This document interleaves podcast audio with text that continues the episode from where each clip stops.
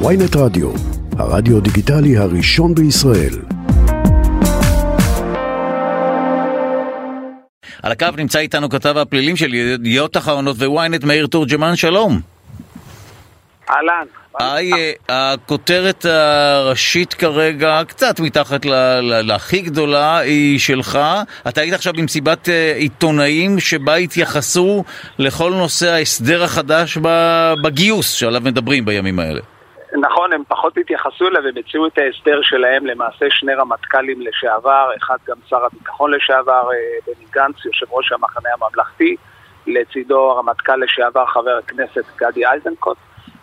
אם אני מסכם את כל ההצהרה של אה, שניהם, מדובר בסכנה לצבא העם. כשאנחנו מדברים על צבא העם, זה צבא שמגייס למעשה את כל רובדי החברה הישראלית, אה, וכרגע הם טוענים שההצעה שעולה עכשיו על ידי ממשלת ישראל, שאני מבין עכשיו שהליכוד קצת אומרים שהיא לא סופית וכדומה, שנוריד את גיל, גיל הפטור מגיוס ל-23 במקום 26 לתלמידי ישיבות, ובתמורה נצ'פר ונעניק יותר אה, מענקים כספיים לחיילים הלוחמים שלנו. מה הבעיה בזה? ככה נרוויח, לפחות זה מה שהבנו בתחילת השעה הקודמת, שכך נרוויח כוח עבודה, אה, החרדים יעבדו מוקדם יותר, ולא יהיו כלואים בתנאי הפטור, והלוחמים ירוויחו.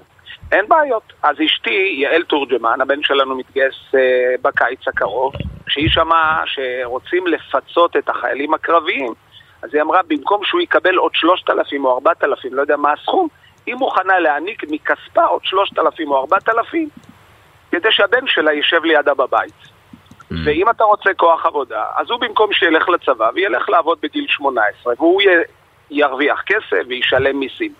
הרעיון שבאים החברים אה, גנץ ואייזנקוט לומר שאנחנו צבא העם, כל הסיפורים וכל הסיסמאות וכל הספינים של אה, יותר כסף, זה דברים, איך הוא קרא לזה? ראש ממשלה לא אמור לראות את הצבא דרך הפרספקטיבה של דסק במשרד האוצר. הוא צריך להיות ממלכתי, לראות את העניין מלמעלה. וצבא העם זה פשוטו כמשמעו, ילדים שמגיעים לגיל 18 מתגייסים לצה"ל. טוב, אני לא רוצה לעצור אותך לפני שאתה מביא את הפרטים של, שגנץ הביא, אבל, אתה, אבל אין צבא העם. אין, זה לא קיים עכשיו. אבל זה הבלוף, אז, אז עכשיו המסכה לפחות נקרעת. כן. מכל הצ... רגע, למה אין? כי מה... חרדים לא מתגייסים, 아, אה, נקודה, אוקיי, זה לא קורה. כי היום, היום, היום בפועל, לכאורה, מכל שלושה, אה, יש אחד מתגייס, ואחד הולך הביתה מאלף ואחת סיבות, וזה לא משנה למה. אם זה ערבי, בר גיוס. אם זה ערבי חרדי, או שאחד שלא מגיע לסוף הגיוס, או מספר סיפורים והוא גם חילוני. אנחנו נלך ונמצא את עצמנו בצבא מאוד מאוד מצומצם. הרי תקשיבו, דבר אחד שהתחברתי אליו, אני באופן אישי, הרי ילד לא הולך לקרבי, כל אחד שינסה להיזכר, אף אחד לא הלך לשרת בצה"ל, או רצה להיות קרבי, או שהוא היה מורעל, כמו שאנחנו מתרגמים את זה, כי הוא ידע שהוא יקבל עוד אה, כמה מאות שקלים ברור. כתוצאה מזה. אנחנו הולכים בגלל ערך, בגלל אתוס, בגלל רצון, בגלל ציונות, בגלל האחים הגדולים שלנו בבית ספר, אה, זה דברים שאתה בונה מהחינוך שלנו, וזה הולך והולך, מתמעט.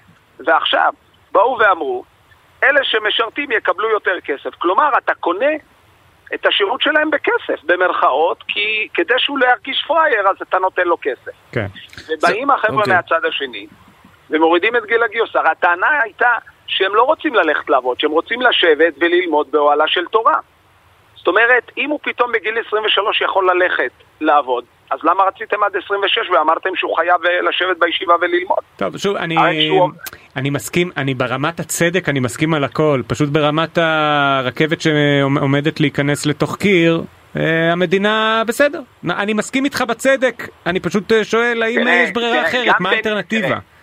גם יושב ראש המחנה הממלכתי, בני גנץ, יכול לומר את הדברים האלה, בל נשכח שהוא בעמדה של האופוזיציה. כן.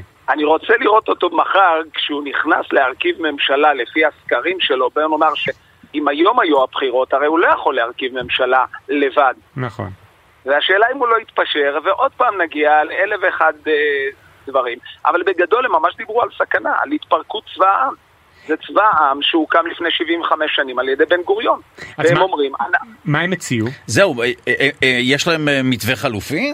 המתווה החלופי זה סוג של מנהלת ושירות לאומי כזה ושירות לאומי אחר, זאת אומרת שכולם יהיו חייבי שירות בגיל 18, ואז, כי היום הם מדברים שרק 48% מגילאי ה-18 בכלל מגיעים לבקו"ם. כן. וכל השאר לא נקראים. עכשיו תראה, אפשר, צריך לעשות צדק גם עם החרדים. הרי הם מתגייסים כמעט בכל מוקדי החירום, בזק"א, באיחוד הצלה, אה, בידידים. הם עושים דברים נפלאים במסגרת אלטרואיסטית. הם לא קוראים לזה אפילו שירות לאומי. אני חושב שיש פה חוסר הבנה, כי הם לא רוצים, לדעתי המגזר החרדי הרי לא רוצה לגשת לשירות הלאומי ולמסד את זה, כי הם מעדיפים את הילדים שלהם נמצאים בתוך החצרות שלהם, לא יוצאים החוצה, לא מתערבבים עם העולם הגדול, והם, אה, אתה יודע, הפיתויים גדולים מחוץ לחצר החרדית, וכשהם יוצאים החוצה, לא בטוח שהם יחזרו, אותם אנשים, כפי שהם יצאו לשירות הלאומי. כי בנקל הם יכולים כמעט להציף את השירות לאומי. כן. הרי יש לך אפשרות, הם מתנדבים בבתי חולים בהמון, אבל הם לא מוכנים לתייג את זה כשירות לאומי. אין לי מושג למה. זו הערכה שלי, יכול להיות שאני טועה, שהם מעדיפים להישאר בתוך המסגרת שלהם, לגדל את הילדים בתוך החצר ולשמור עליהם. אז בעצם מה שאנחנו מבינים זה שגנץ ואייזנקוט מציעים במקום לשחרר אה, חרדים בגיל מוקדם יותר אה, לעבודה, איזושהי מנהלת שתכניס אותם לשירות לאומי. בדיוק, היא תכניס גם את הערבים mm. וגם את החרדים וגם את אלה שלא רוצים להתגייס וגם אלה שלא מתגייסים בגלל שיש להם בעיה רפואית כזאת או אחרת.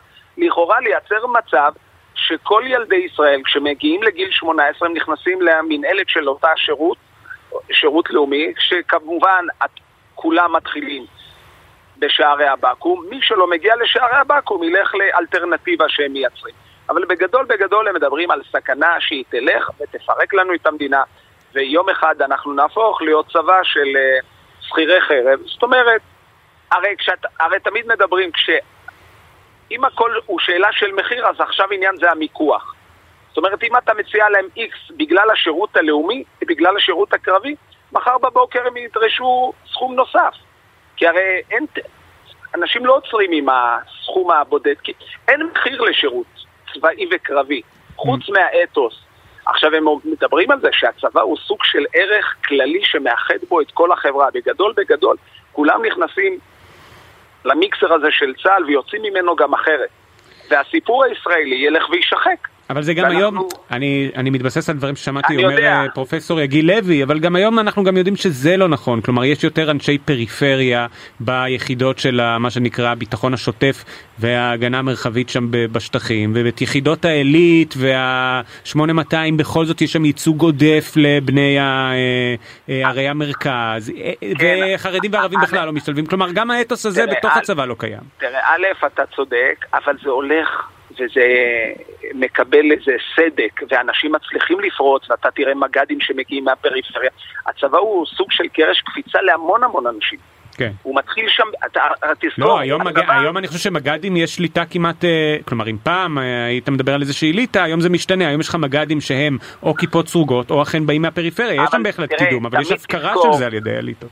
נכון, תמיד תזכור שאנחנו מגיעים לצה"ל ואנחנו מתחילים פעם ראשונה ביחד, לובשים את אותם מדים, מקבלים את אותן גופיות, אותו קידבק, ולא משנה אם אבא שלו מחוץ לבסיס ממתין לו עם מרצדס, והשני נוסע בטרמפים. אבל לאן שישלחו אותי מהבקו"ם זה כן משנה איפה, איזה אוטו יש לאבא שלי. אבל בוא נאמר שבכל היחידות הקרביות, אה, גולני וצנחנים והמון והמון, המון המון יחידות שהיו אליטה פעם, הרי אם תזכור שפעם סיירת מטכ"ל הייתה רק קיבוצניקים, היום כמעט אתה לא מוצא קיבוצניקים. בסיירת מטכ"ל? דברים שמתחלפים ומשתנים, אז אליטה אחרת משתלטת. כן. אבל בגדול, גם לחייל בגולני שמתחיל, הוא מתחיל ביחד את אותו מסע עם כולם. וזו ההזדמנות הראשונה והאמיתית שלו לפרוץ קדימה. אם הוא טוב, הוא ממשיך לקורס מ"כים, ואחרי זה קורס קצינים, ומ"פ, והוא חוזר, והצבא שולח אותו ללמוד. זה כבר לא אותו אחד שהגיע בגיל 18 ואומר, אה, אין לי הזדמנות שווה. ואם האנגלית שלו לא טובה, אז הצבא ישלח אותו. בוא נאמר שהצבא נותן אה, תעדוף והוא מרים אנשים ו... אתה יודע, אה, מעביר אותם... אה, אני לא אוהב להיכנס אה, לסיפורים של ישראל השנייה והראשונה, כי אני חושב שאין את זה, למרות שיחלקו עליי רבים וטובים, אבל הצבא נותן הזדמנות גדולה מאוד לאנשים מהפריפריה לקום ולהצליח ולעשות שירות משמעותי. גם הערך שלך כלפי עצמך, כשאתה מסיים צבא, ובפרט אם אתה מסיים שירות משמעותי, אתה יוצא אדם אחר, לטוב. רק לטובה. ובכל כן. זאת הייתם מעדיפים לשלם 3,000 שקלים כדי שהבן שלכם לא יעבור את החוויה הזאת, כי זו חוויה לא, לא בכפייה, אני... מסוכנת. אבל סליחה, סליחה, יש כן, פה חילוק אבל זו לא השאלה אם אפשר לפדות את הילד משירות קרבי, השאלה היא למה לא, לא לצ'פר. לא, אני נתתי, סליחה, זה היה קצת בציניות כמובן. אוקיי, מאה אחוז. כמובן שהילד, זה מה שאני מנסה להסביר לכם, הילדים לא חושבים על כסף בגיל הזה. הם חושבים על המיונים, על הסיירות. על היחידה הכי טובה, הוא רוצה ללכת בעקבות אבא, הוא ראה את המדים שלו, הוא ראה אותו עושה, אני לא אגיד לכם איפה שירתתי, כדי לא לספר סיפורים על עצמי. אבל אנחנו חיים בחוויה הזאת, שאתה חוזר, שהדודים, הדוד היה מ"פ בגבעתי, וזה היה מ"פ כן, פה. כן, ודאי שזה משפיע. זה משפיע, זה, סיפ... זה סיפור ישראלי. הכסף, אני לא יודע מי הביא את הרעיון הזה, קודם כל אף אחד לא התנגד לקבל כסף. כן. אבל זה נתן איזה סוג של קורלציה, שלכאורה, הנה בוא נקנה את הפטור, את הורדת הפטור, בסוג של מענק אה, לחיילים הקרביים ונערים. אולי דירה או קרקע. לא, אבל גם יש ירידה של אה, לאלה שלא יקבלו את הכסף, אה, גם מורידים קצת, הרי מורידים את השירות לשנתיים, אם אני מבין, כן. לאלה שלא יקבלו את הכסף. כן. זה גם נחמד, זה נחמד, זה הורדה טיפה של הנטל. תראה, נכון להיום, אנשים לא הולכים לצבא בגלל כסף. כי אם זה היה היבט כלכלי, הוא מעדיף להישאר, הוא ילך ויעבוד, יחסוך את הכסף, הוא ירוויח בעשרות מונים מאשר ה... החיים שלו. תשמע, אנשים בצבא גם מסכנים את החיים שלהם, את הבריאות שלהם. ודאי. נכון. אין משקל, ל, ל, ל, אי אפשר לכמת את הכסף. וזו נכון. הדאגה הגדולה שלהם, שהם ייצרו איזשהו מצב שבבוא היום זה כסף אה, יקנה את הכל. זאת אומרת, אני הולך לקרבי בגלל, אה, לא יודע מה, אה, קפיטליזם שמחלחל ומשתלט. להכל לא, יש מחיר. זה הפחד שלהם. מעניין. השאלה אם הם יצליחו ליישם את זה, אם מחר בבוקר הם יקבלו את המפתחות לידיהם. כי מהאופוזיציה אפשר לפתור את כל הבעיות. Uh, מעניין מאוד, תודה רבה לך, כתב הפעילים של ידיעות אחרונות וויינט, מאיר טורדרמן, תודה רבה לך. לשם שינוי זה לא קשור לפעילים, זה קשור לחיי מדינת ישראל. כן, אה, לא פחות מעניין, תודה רבה. למרות שיש ערבוב גדול היום בין פוליטיקה לפעילים, לצערנו. Uh, מעניין. פרסומות מיד חוזרים.